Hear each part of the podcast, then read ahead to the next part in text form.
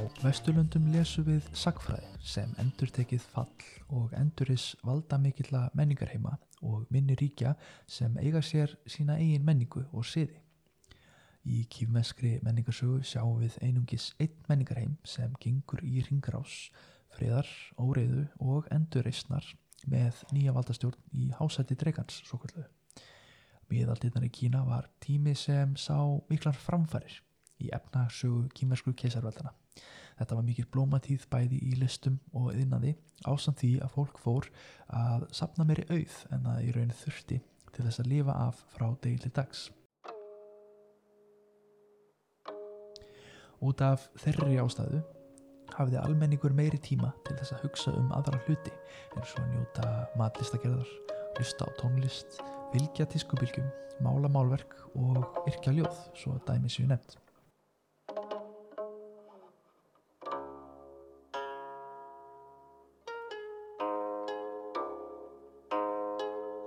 Í kringum árið 960 hafði einn valdamesti hersöðingi þess tíma saminað Kína á ný eftir nokkra áratugi af valdabartu. Sá hersöðingi varð keisari og kallaði hann ríki sitt Song-keisarveldið. Taizú keisari eins og hann var kallaður setti á fót veldi sem átti eftir að ríkja hátt upp í 300 ár og á þeim tíma sá kýmvest fólk miklar framfarir og lifiðu flestir tegnar nokkur dögin í frið og ró. Síðan á tímum Tang keisarveldsins hafði landsvæði Kína mingað til muna og mætti segja að vesturluti þess landsvæðis þar sem silki vegurinn liðaðist til vesturs hafði nánast allt glatast í hendur herrfóringja að utan. Í kringum árið 907 hafði landsvæðinu verið skipt upp í 16 svæði þar sem herrfóringjar börðust sín á milli hátt í 50 ár en eins og sagt er frá í henni frægu sögu Sango Yang Yi eða sögu hinn að þryggja stríðandiríkja á íslensku þar sem saminast mun á endanum hrinja í sundur og þar sem hrinnur í sundur mun koma aftur saman og saminast á ný.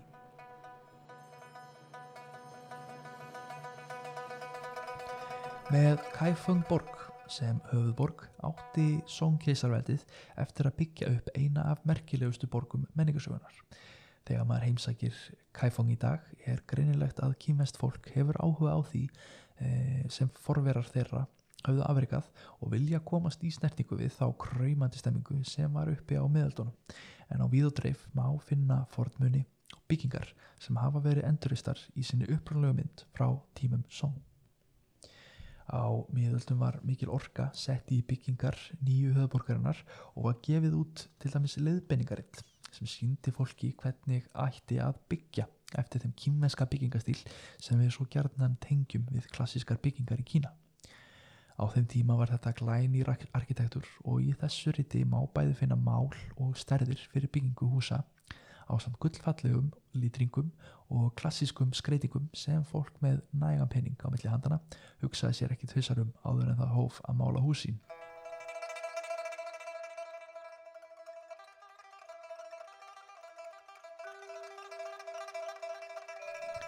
Þetta var ju fjölmennasta borg jarðarinnar á þessum tíma og því nóg um viðskiptatækifæri um allt. Markaskerfið ógs á hraða sem aldrei fyrr en við byrjum efnahagsbyltingarinnar svokallu sáu flestir bændur um sig sjálfar. Þeir rættuðu mat og eftir að hafa metta sig og sína seldu þeir restina á mörguðum þar sem þeir fengu pening í skiptum fyrir vinnu sína. Peningin notuðu þeir svo til þess að kaupa sér salt og setna meir eftir að hafa sapna nægum pening í nokkur ár hófu þeir jafnvel að stækka við sig, ráða inn vinnum fólk og kannski farðu þeir sig út í fataðinaðin og byrjuðu að sauma og selja fatnað á mörguðunum. Svona þróaðist þetta í nótkunn og fólk út um allt, songkissarveldið ferðaðist með pening á milli handana sem það gæti síðan notað til þess að greiða fyrir ímsa þjónustu, mat og hluti.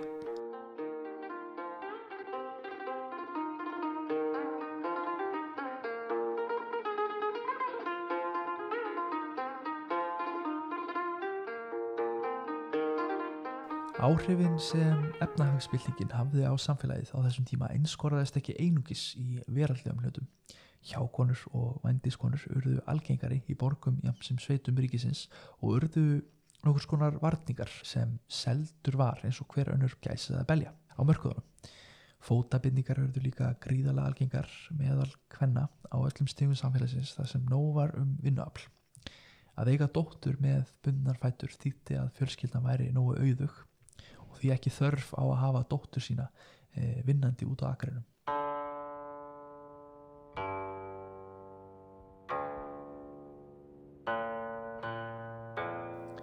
Fótabindningar virkuð þannig að kreft var á fótum ungar stúlkna með borðar svo fast að löppin þeirra hætti að vaksa.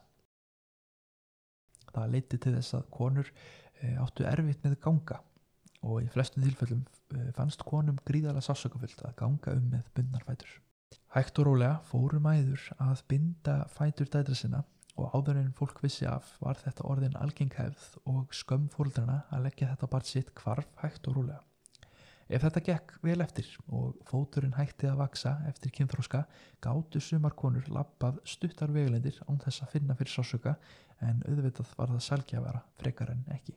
Samtíma heimildir segja ekki til um af hverju fólki fannst litlir fætur kvenna aðlæðandi að binda fætur kvenna gerði það verkum að þeir urðuða nokkur skonar prívat stað sem einungis konan sjálf, móðir hennar síðar eigimaðurinn gáttu bara fengið að sjá svolítið eins og brjóst og kynfæri í okkar nútíma samfélagi.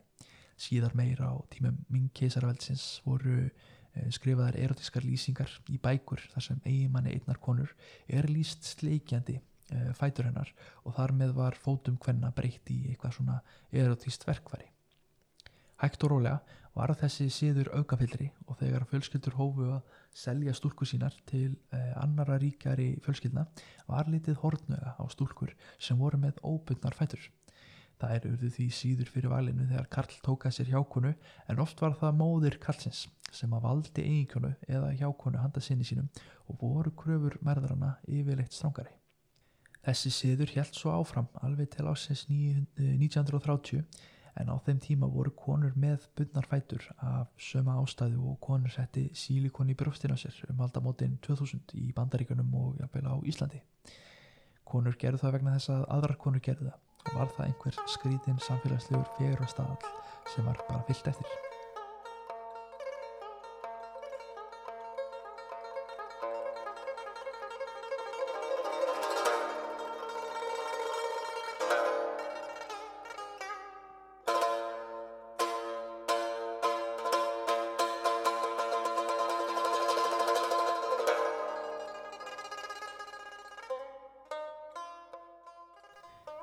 Árið 1023 fóru kaupmenn innan songkesarveldsins að sísla með gjaldmiðl úr papír í fyrsta skiptið. Ástæðan fyrir því var vegna þess hver auðvelt að var að ferðast langar vegalendir frá markaði til annars berandi tösku fulla af papírs gjaldmiðli samanber þess að e, ferri á kistil með steptri mynd úr málmi. Ríkistjórn songkesarveldsins tók þessar nýjung fagnandi og reynd var að koma sameilegri mynd í öll þau markbrotnu svæði ríkisins sem notuð öll mismöndi mynd. Það var auðveldara sagt en gert því svarti markaðurinn ógs hraðar en nokkur sinni á þessum tíma með falsaðri mynd hér og þar. Heimildir þess tíma benda á að, að vegna þeirra sprengingar hagkjörðsins sem átti þessi stað þurfti að vera sameili mynd til þess að það gæti haldið áfram að vaksa á sama tíma og, og valdhafar reyndu að koma á fót sameilum gjaldmiðli voru þeir í basli við nágranna þjóðir í norðari því að í gegnum alla 300 ára sögu songkesaraveldsins var ríkur þeirra á milli. Þær gjafir sem songmenn þurftu að færa þeim til þess að halda frið örðu dýrkeftari með hverju árið sem leið. Ekki nómið það en stríðsreksturinn hafði líka gríðala mikil áhrif á ríkiskassan. Hvergi annar staðar í heiminum á þessum tíma var jafn ríkt og valda mikið keisarveldi en þrátt fyrir það fjall samt norður hluti Song keisarveldsins árið 1127 í hendur Barbara úr norðri. Þrátt fyrir að norður hluti keisarveldsins væri komin í hendur nákvæmna þjóðflokka heldu ríkar fjölskyldur innan keisarveldsins áfram að fjárfesta í ofum, skólum, brúm, vegagerð hinnum ímsu samfélögum og rannsóknum til dæmis á menningararfi tankisarvætsins. Þar sem stóð hvað mest upp úr þessum tíma, hvað menningu og heimsbyggi stjórnsíslunar var þar, var ný konfúsianismin með Jusi í fóristu. Vegna þess að markaðir voru farnir að breyðast út um allt keisarveldið var hægt að ferðast til dæmis á milli Hangzhou og Chengdu til þess að stunda viðskipti. Fólk fóru að sapna peningum og í gegnum árin örðu fjölskyldur auðugri. Einnig var mikið um ræningi á ferðinni og sjóræningum á Yangtze-fljótinu sem fóru á milli stærstu köpstaðaríkisins Rauplandi og Rænandi. Þess vegna fór fólk að taka með sér dýrlinga, nokkus konar guðlegar verur eh, með sér í ferðalagið til þess að ferðin yrði örugari. Þar með hópst svo hefð dýrlinga sem sáu til þess að viðskipti gengur vél og að ferðalangur komist á leiðarenda heitla húfi. Þakkað var þessum dýrlingum fyrir reyningu þegar þurkur var mikill og, og voru sett upp alls konar hof út um sveitinar þeim til lofs og dýrðar. Þegar ferðamaður kemur til dæmis til Suðaustur Asju þar sem kýmnesk diaspora er fjölmenn má finna ímeins hof út um allt þar sem megin fígúrir þeirra eru stríðmenn til forna. Bókmentapersonur, frægir bútistar eða keisar sem hafa verið settir í dýrlingatölu. Þekktasta fígúran sem sérst hefur í íslingum hofum er til dæmis e, feitur brosandi bútisti. Hann byrtist oft í teiknuðu myndum um búta og, og mikið er um stittur af honum út um allan heim. Til dæmis má finna risastóra gullita stittu af honum og hann á fjalli nálagt Ningbo sem er Hafnaborg staðsett sunnan af Shanghai í austur Kína. Önnur þekkt fígúra er Guan Yu. Hann var blóðbróðir þeirra Liu Bei og, Zhang Fei og eru þeir félagar þekktir úr sögunni Sango Yang Yi eða sögu heina hryggjandi stríðandi ríkja á íslensku eins og áður var nefnt.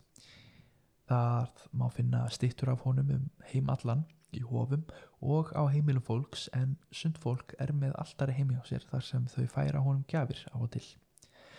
Einnig sérstann fyrir utan lögurlustöðar, veitingarhús og það sem gjarnan eru stunduð viðskipti. Þegar maður horfir á bíómyndir frá Taiwan og Hong Kong má oft sjá rauðleitan og svart skekkiðan uh, Guanyu í felustað glæpuna en í Peking-óperu til dæmis merkir rauður litur með svörtum röndum, hotlusta og réttlæti. Hann ber yfirleitt langan staf með glæsilega skreittri sveðju á topi þess, svipað til atgersins sem Gunnar og Hlýðaranda bar sér til vendar í brennunársu okkar Íslandíka. Þegar fólk byður til hans, byður fólk yfirleitt um góða heilsu, réttlæti og almenna hefni í viðskiptum. Þessi hefð hefur fengið að blómstra fyrir utan landsteina songkeisarveldsins og farið víða um heimallan. Út frá þessari hefð hafa út frá hverjum og einum dýlingi sprottið upp skemmtilegar þjósugur sem verðt er að fjalla um í sér hlaðarstati. Eftir fall norður songkeisarveldsins tók við söður songkeisarveldið með höfuborg þess í Hangzhou borg og mátti þar finna annars konar dýlinga sem voru tilbennir í hofum sem finna mátti í sveitum Kína. Oft á tíðum voru þetta embatsmenn sem að letu ekki græðiki stjórna sér í verkum sínum heldur fóru þeir eftir megin hugmyndarfræði konfúsjusar, letu gott að sér leiða í þá almennings og, þannig unnu, unnu þeir sér e, innvirðingu almennunars. Hofinurðu vinsælir áfangastæðir þar sem metnaðafullir námsmenn fóru í pílagrinsferðir til þess að færa þeim til dæmis ávexti, reykjelsi og áfengi þeim til vinningar. Múlnæðan húru að svilið þingursum vorum tætsikki amtariliksum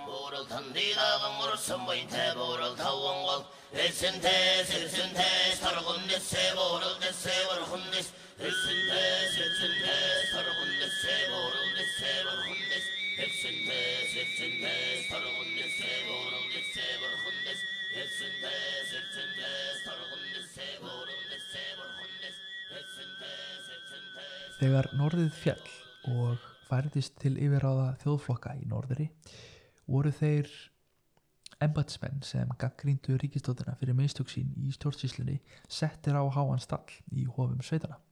Þrýr einstaklingar voru sérstaklega vinsaleg meðal fólks. Þessi þrýr einstaklingar voru þeir embatsmenn samkvæmt Jusi sem að skildu að sönnu speki konfúsjusar, mennsíusar og hugmyndafræðina bakvið e, dá eða ferli mannsins sem hafði hægt og rólega glemst í gegnum kynsluðendar. Juicy sagði að þessir menn höfðu verið þeir sem að færðu rétta tólkun á speki meistarans og út frá því urðu þeir að þeim dýrlingum sem áttu eftir að sjást hvað mest í hofum songkeisarvelsins. Setna meir átti Juicy eftir að vera settur í dýralengatölu þeim til hliðar. Alveg fram á dauðadag vann Juicy að því að rannsaka konfúsianisma og reyna að finna lausn á þeim vandamálum sem speki konfúsiusar gekk í gegnum uh, á þessum tíma.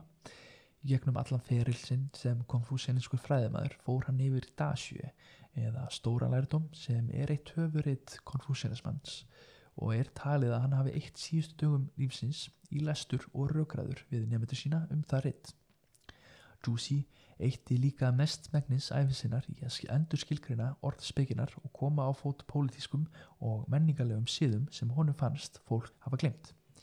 Á tíma sónkesaröldsins var fólk farið að líta meira til dáiskra og, og bútískra eh, hugmynda frekar en þá konfúsianisku en hann taldi að kýmversk menning þurfti á konfúsianismannum að halda til þess að kýmversk samfélag gæti haldið velli. Nágranna þjóðir í norðri voru hægt og bítandi að taka yfir landsveði og menningin sem vildi þeim þjóðum ekki beint í takt við þá stemmingu sem hann sótist eftir. Höfuðborg norður Songkesarafelsins var í Kaifangborg sem á miðöldum var kvölluð Pianliang. Árið 1147 var gefin út bók þar sem höfundurinn lýsir lífunu í höfuborg keisarveitsins. Hann skrifaði fremur eh, nostalgíska lýsingu á aðstæðin borgarinnar en lýsingarnar áttu sér stað áður en nákvæmna þjóður og norðuri höfðu lagt borgina í rúst. Í Kaifang á þessum tíma byggu hátt upp í miljón manns en til þess að berast það saman við aðra stórborgir að þá byggu ekki miljón manns í London fyrir ná átsöndult. Þetta þýtti að borgin var tróðfull af fólki en höfundur borgarinnar myndist ekki á tróðuningin, skítin og alla þá sjúkdóma sem að líklegast búið til staðar. Hann lýsir fólkinu sem bjóði borginni sem mjög gestristnu og voru flestir mjög kurtessir. Það var alltaf einhver sem var tilbúin til þess að leta hjálparhönd eða lána pening til þess, að, til þess fólk sem að þurfti á því að halda. Hann lýsi líka hennu ymsu þjónustu sem var í bóði fyrir þá sem áttu nóga peningum á milli handana. Vændi, fjárhættuspill, baðhús og krár voru með, meðal þeirra skemmtunar sem fólk gætt spreða penningunum sín við. Kaifang var einstaklega opinn og falli borg með mikið af alminningsskörðum þar sem fólk gætt notið frá degi til dags. Í höfuðborg Tankísarvelsins var öllum kaupmönnum skipað að loka stemma á meðan í Kaifangborg Song Kísarvelsins var í bóði að hafa krár og veitingahús opinn fram á rauðanótt. Borgin var full af veitingahúsum en það voru um það byrj 70 stór veitingahús sem að keftust sín á milli og tældust til sín viðskiptavinni með framandi kryttum og ráðarni af öllum tóa. Út af þeirri kemni þróast mikil matamenning í borginni og var meira að segja að gefa þinn út matræslubók á þessum tíma. Þessi menning átti svo eftir að krauma og verða af matamenningu kýmverja sem við þekkjum í dag. Flottustu veitingahús þess tíma e, voru á mörgum hæðum og í mörgum húsum sem tengd voru á milli hæða með brúm og gungum en þar hlupu þjónar á milli borða og eldúsa í flíti til að þjóna kunnanum. Mikið var um sæfara sem komið til Songkeisarveldsins á þessum tíma til þess að stunda viðskipti. Mest voru þetta skip frá Suðustur Asju og þjenuðu kaupmenn sem fóru í slíka ferðir mjög vel. Til þess að ganga í skugga um að slík viðskipti gáttu haldið áfram setti keisari Song á stopt sjóherr til þess að verjast gegn sjóræningum við strandunar. Sjómenn gáttu því farið lengra út á haf án þess að lenda í ránum og komu gæðnan gestir að utan í pílagansverðir til Kína. Egipski kaftinn Dominiet er sagður hafa ferðast frá Egyptalandi til Shandong í austu Kína til þess að færa keisara Song gafir og setja á stopp eh, svona fordiplomatísk eh, samskipti ríkjan á milli sem hafði leigið niðri síðan á tímum tankisarveldsins. Með tímanum urðu geimsla aðferðir miklu betri og, og þess vegna megu við finna nóga af gögnum sem að gefa okkur einsýn inn í líf fólks á þessum tíma. Svo mikið að hægt væri að eða þreymur mannshafum í að grúska í hennum ímsuritum, listaverkum og munum frá þessum tíma, uh, þessum 300 árum sem að sóngkeisarveldið var við völd.